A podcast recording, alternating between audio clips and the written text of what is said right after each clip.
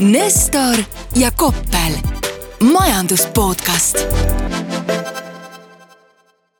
tere taas kuulama SEB majandus podcasti Nestor ja Koppel, mina olen Peeter Koppel, SEB privaatpanganduse strateegia, minuga koos on nagu alati äh, majandusanalüütik äh, Mihkel Nestor. ja räägime loomulikult päevakajalistel teemadel, arutame makrot, arutame turge. kui me makro juurde läheme, siis Eesti makrost rääkides üldiselt äh, kipuvad sellised läbivad teemad olema ja üks neist on olnud tööjõupuudus ja tööturg. ja see on nii-öelda kohaliku inflatsiooni allikas, see on ettevõtetele probleemide allikas. ja nüüd äh, paraku mitte just kõige meeldivamate sündmuste tulemusena on meie tööturg saanud äh, justkui lisa ehk siis see probleem justkui peaks olema mingisuguses kontekstis vähenemas. Mihkel, kas ma olen õigesti aru saanud, et kui inimesi tuleb juurde, siis see tööturu probleem mingisugusel moel võiks nagu järgi anda? jah, äh, kui me mõtleme nagu nende viimaste aastate peale, siis äh, minu jaoks selline nagu tööjõupuudus või see, et ettevõtjad selle üle kurdavad, see on kuidagi nii habemega probleem juba, et tundub, et see ongi selline iga päev meil olnud. aga kui vaadata jah, et seda, neid numbreid, et kui palju meile ikka iga päev Ukrainast äh, põgenikke saabub, siis äh, hakkan mõtlema, et äh, äkki tõesti äh, hakatakse kurtma jälle mingi hetk uuesti selle üle, et tegelikult töökohtasid oleks juurde vaja.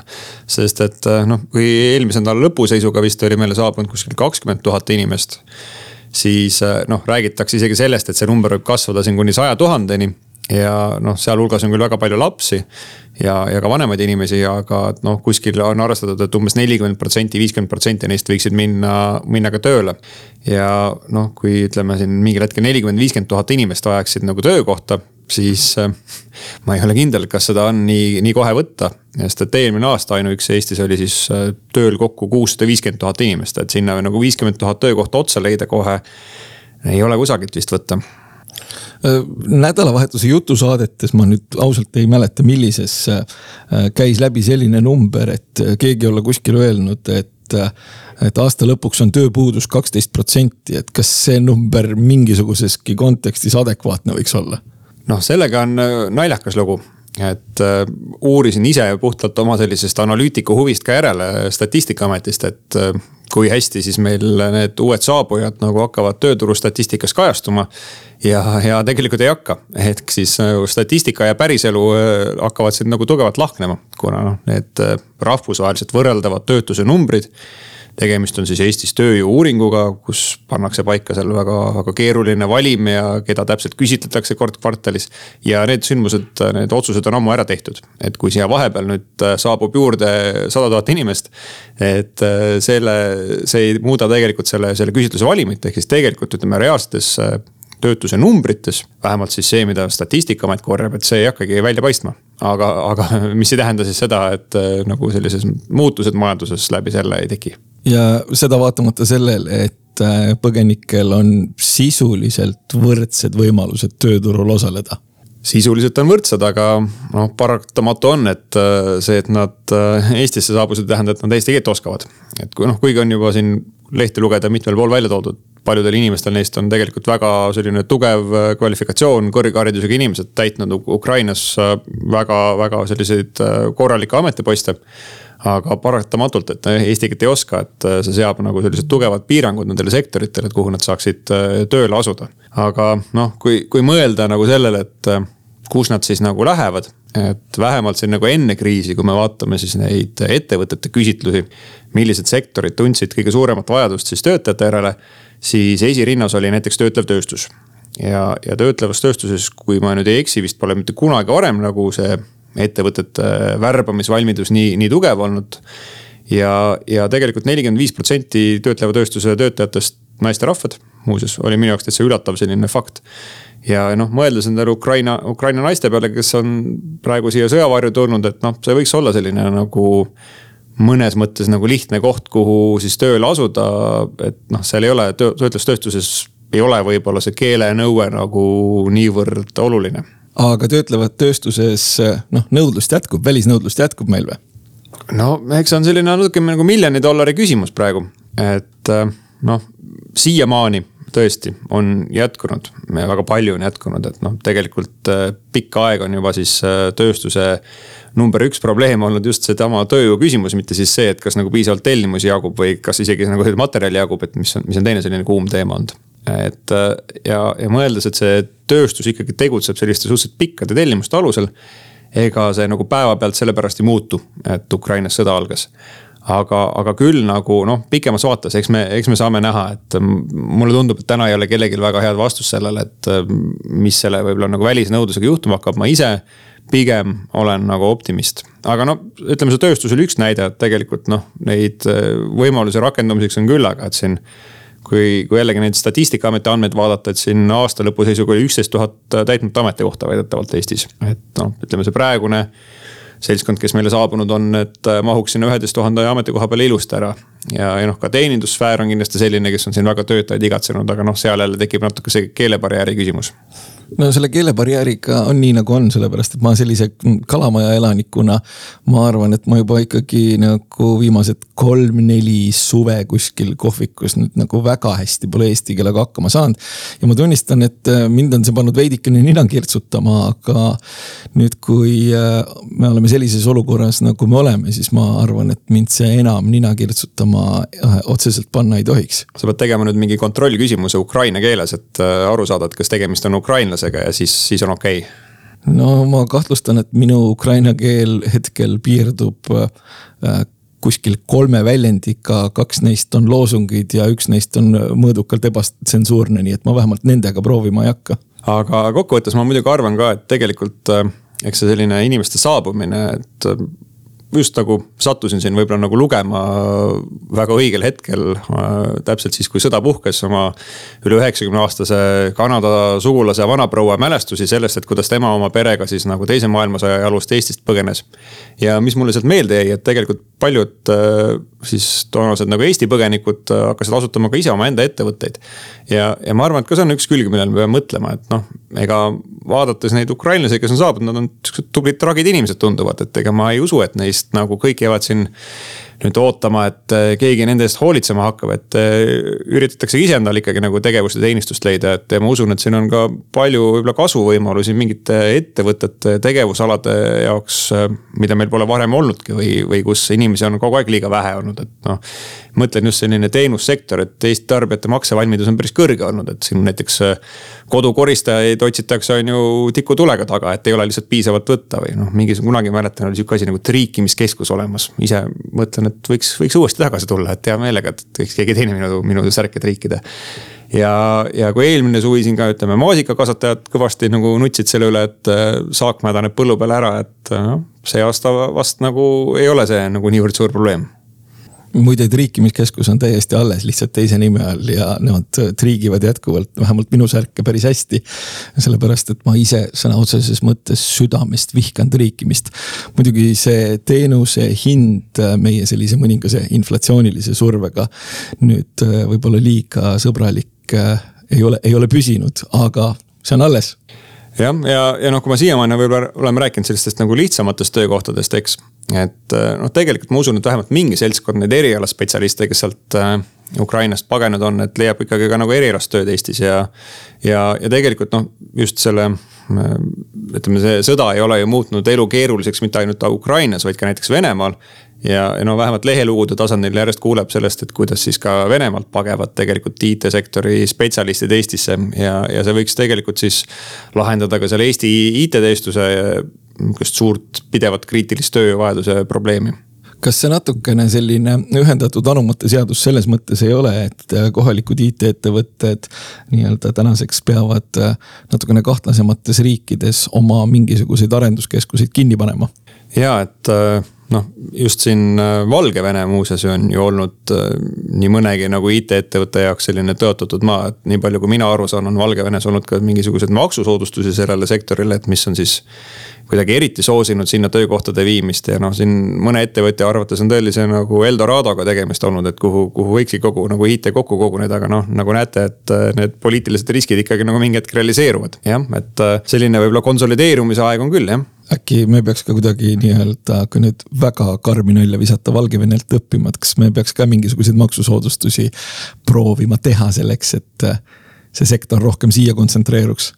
no ma loodan, et äh, piisab nagu sellest, kui meil see kartuli Gaddafi nagu ei valitse, et äh, sihuke demokraatlik õigusriik, et äh, võiks olla see konkurentsieelis no kipub vist nii olema jah, sellepärast et maailma ajalugu kipub tõestama seda, et mida paremini õigusriik funktsioneerib, seda paremini läheb ka majandusel ja jälle eelmisel nädalal allikas, tunnistan, ei ole meeles, aga vähemalt Eesti äh, sai jälle esikoha äh, nii-öelda globaalse maksukeskkonna võrdluses, nii et mingisu-, mingisuguseid asju on meil tehtud äh, päris õigesti ja päris, päris hästi ja noh, ütleme niimoodi, et paistab, et äh, teatud eeldused eduks ka selles mõttes on jätkuvalt õnneks alles.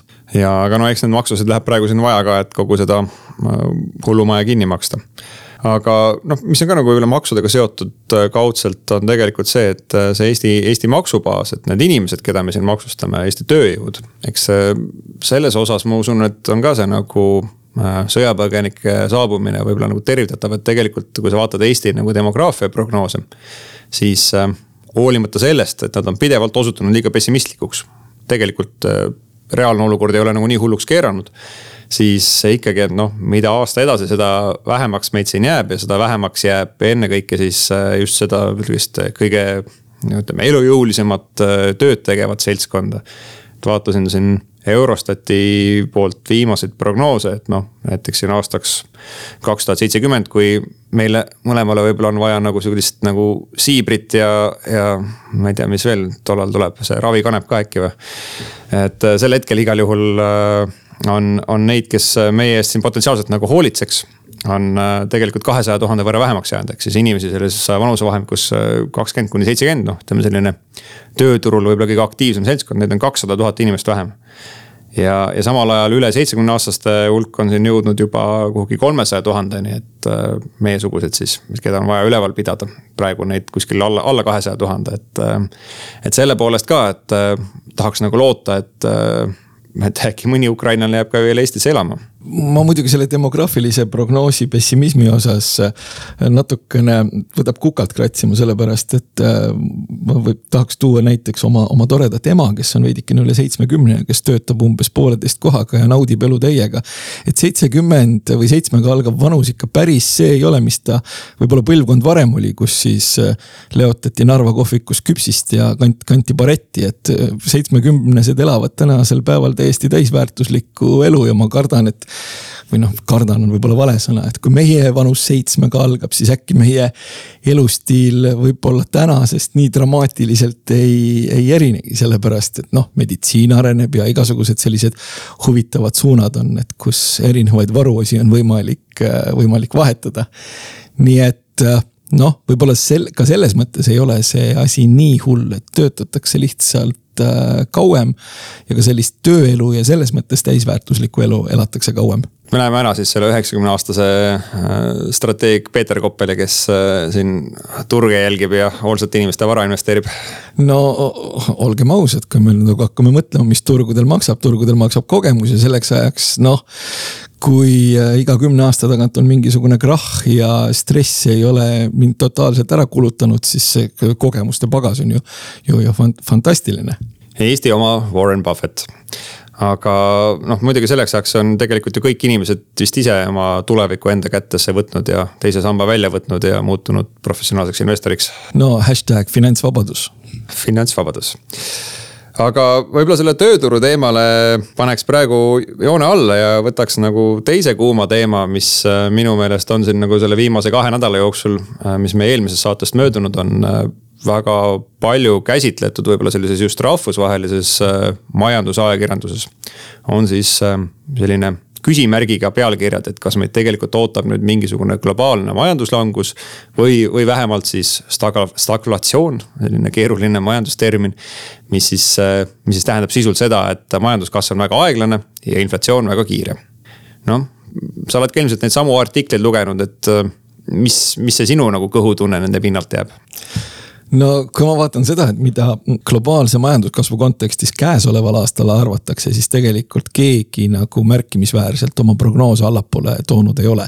keegi, kelle prognoosid on head ja kelle prognoosid midagi tähendavad, on üksikute suuremate majanduspiirkondade või riikide majanduskasvu prognoose alandatud, näiteks Saksamaa ja nii edasi.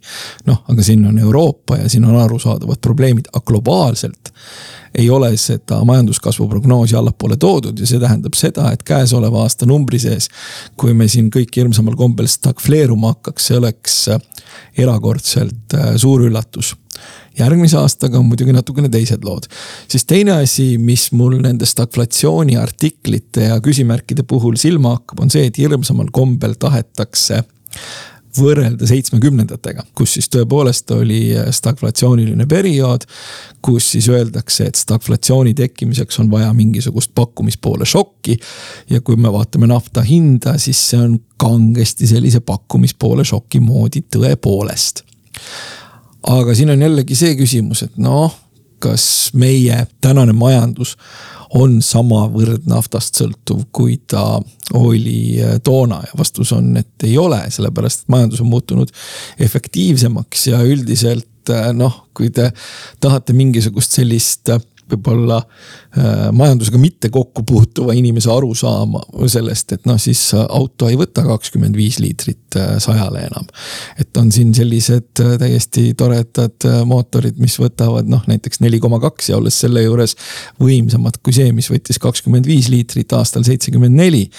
Nii et, ja kui me nüüd kanname selle võib-olla kogu majanduse konteksti ümber, siis see energiamahukus just nimelt selle nafta kontekstis on selgelt vähenenud, nii et see pakkumispoole šokk ei ole võib-olla selline, mis äh, seda stagflatsiooni nii-öelda tekitada suudaks ja noh, muidugi on veel, veel see on huvitav teema, et noh, siis räägitakse, et võib-olla kui tehakse mingisuguseid monetaarpoliitilisi apse.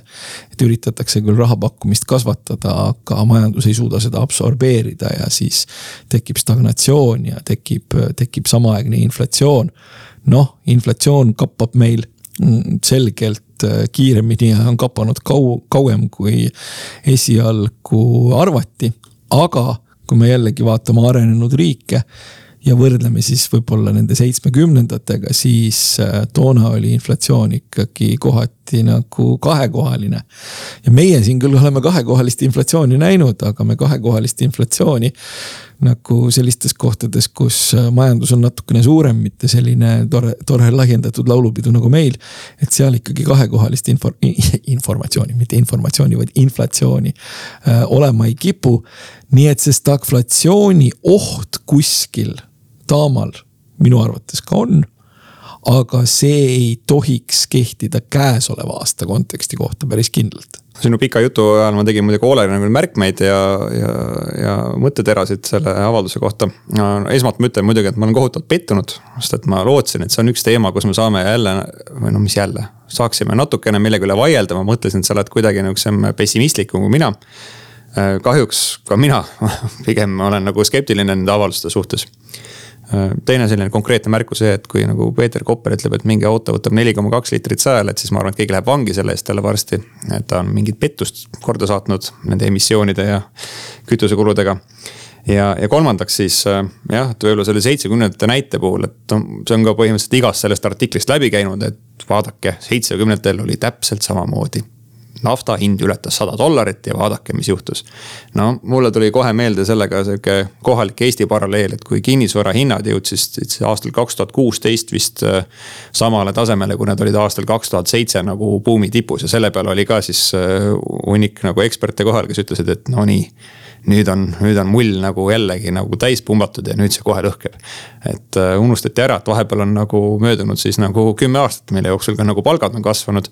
ja ütleme, seitsmekümnendatest on nagu möödas ikkagi veel nagu hulga rohkem aastaid, mille jooksul siis ameeriklaste sissetulekud on suurenenud et äh, sada dollarit äh, aastal tuhat üheksasada seitsekümmend viis ei ole nagu päris see, mis ta oli, mis on sada dollarit aastal kaks tuhat kakskümmend kaks no tõepoolest, sellepärast et see vist oli seitsekümmend neli, kui Nixon võttis äh, sisuliselt dollarit äh, devalveeris, kui nüüd aus olla.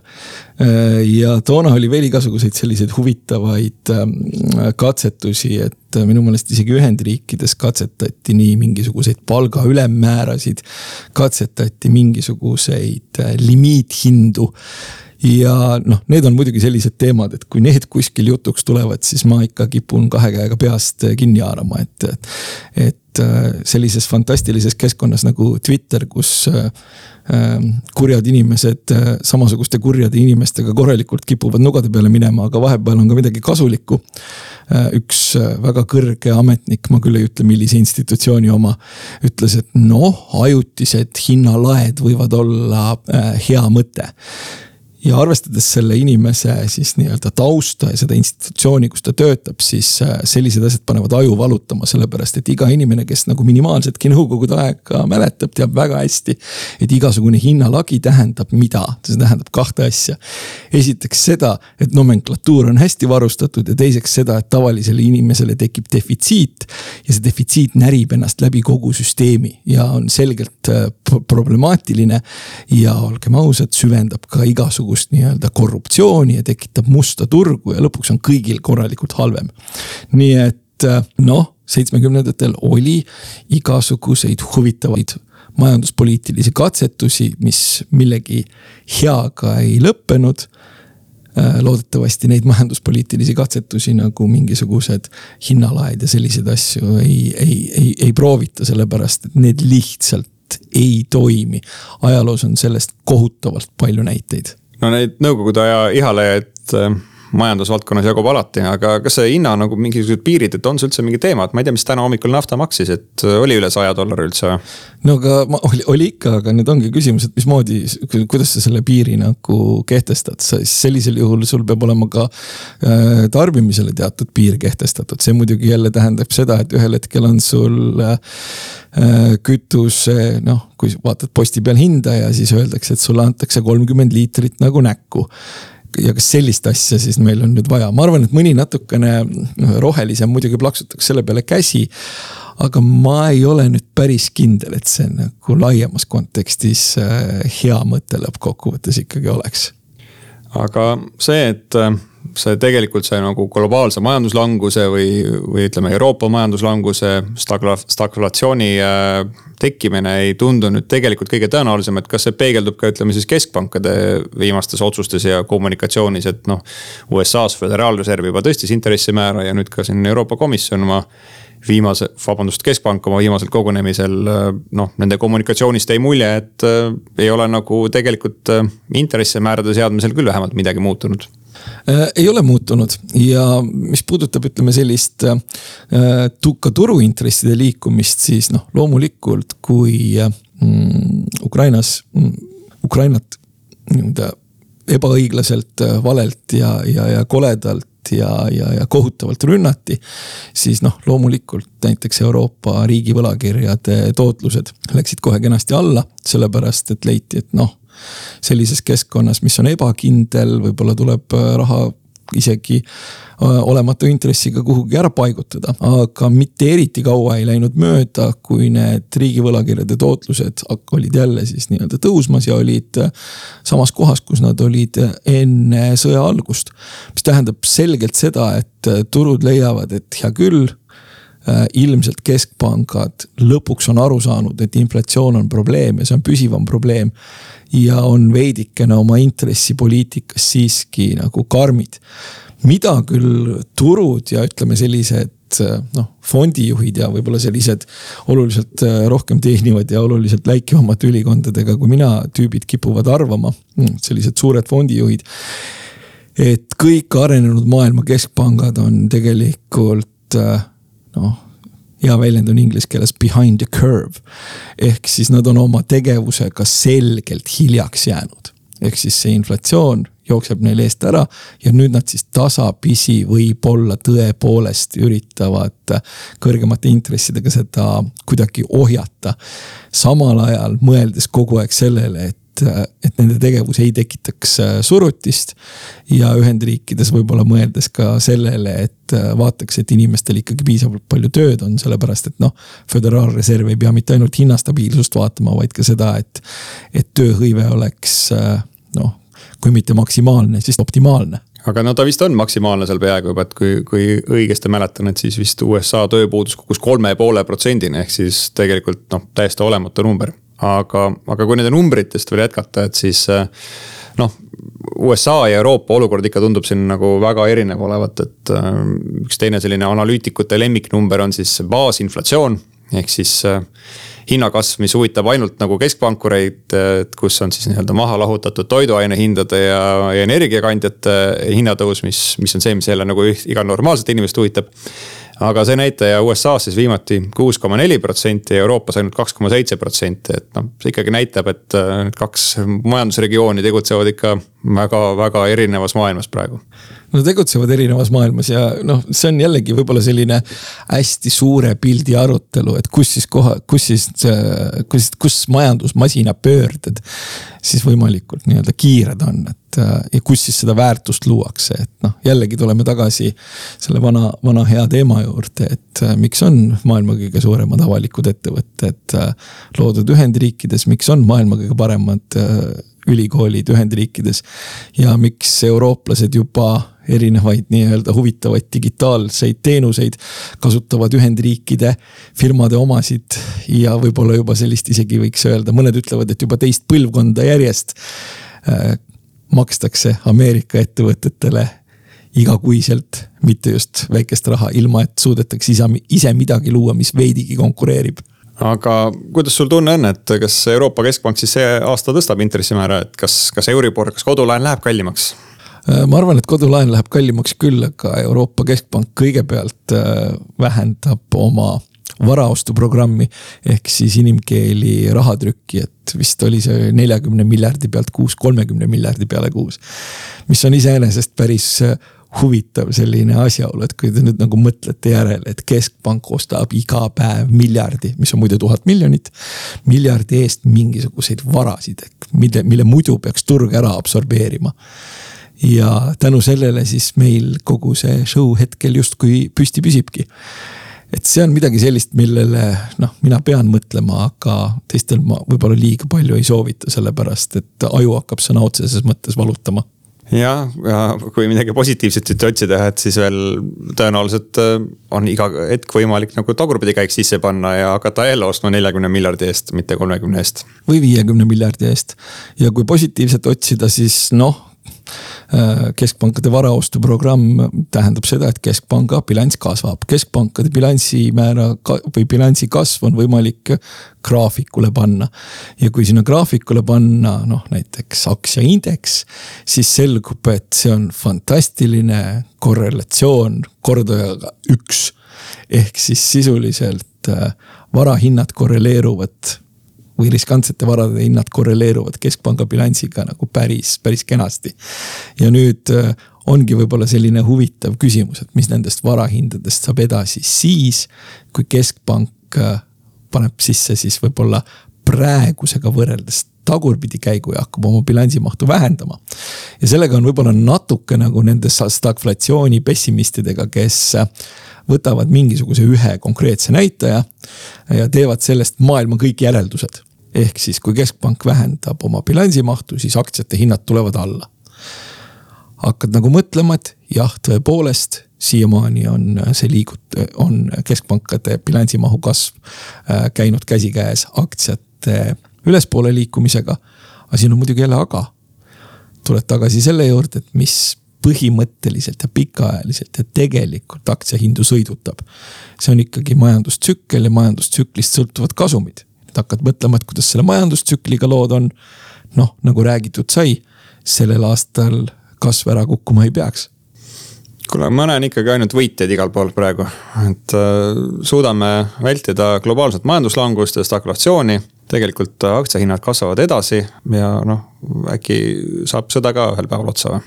no see oleks äh, võib-olla kõige parem uudis ja mitte ainult nagu majanduslikul tasandil, vaid äh, ka eriti, eriti inimlikul tasandil aga see oli meie järjekordne majanduspodcast.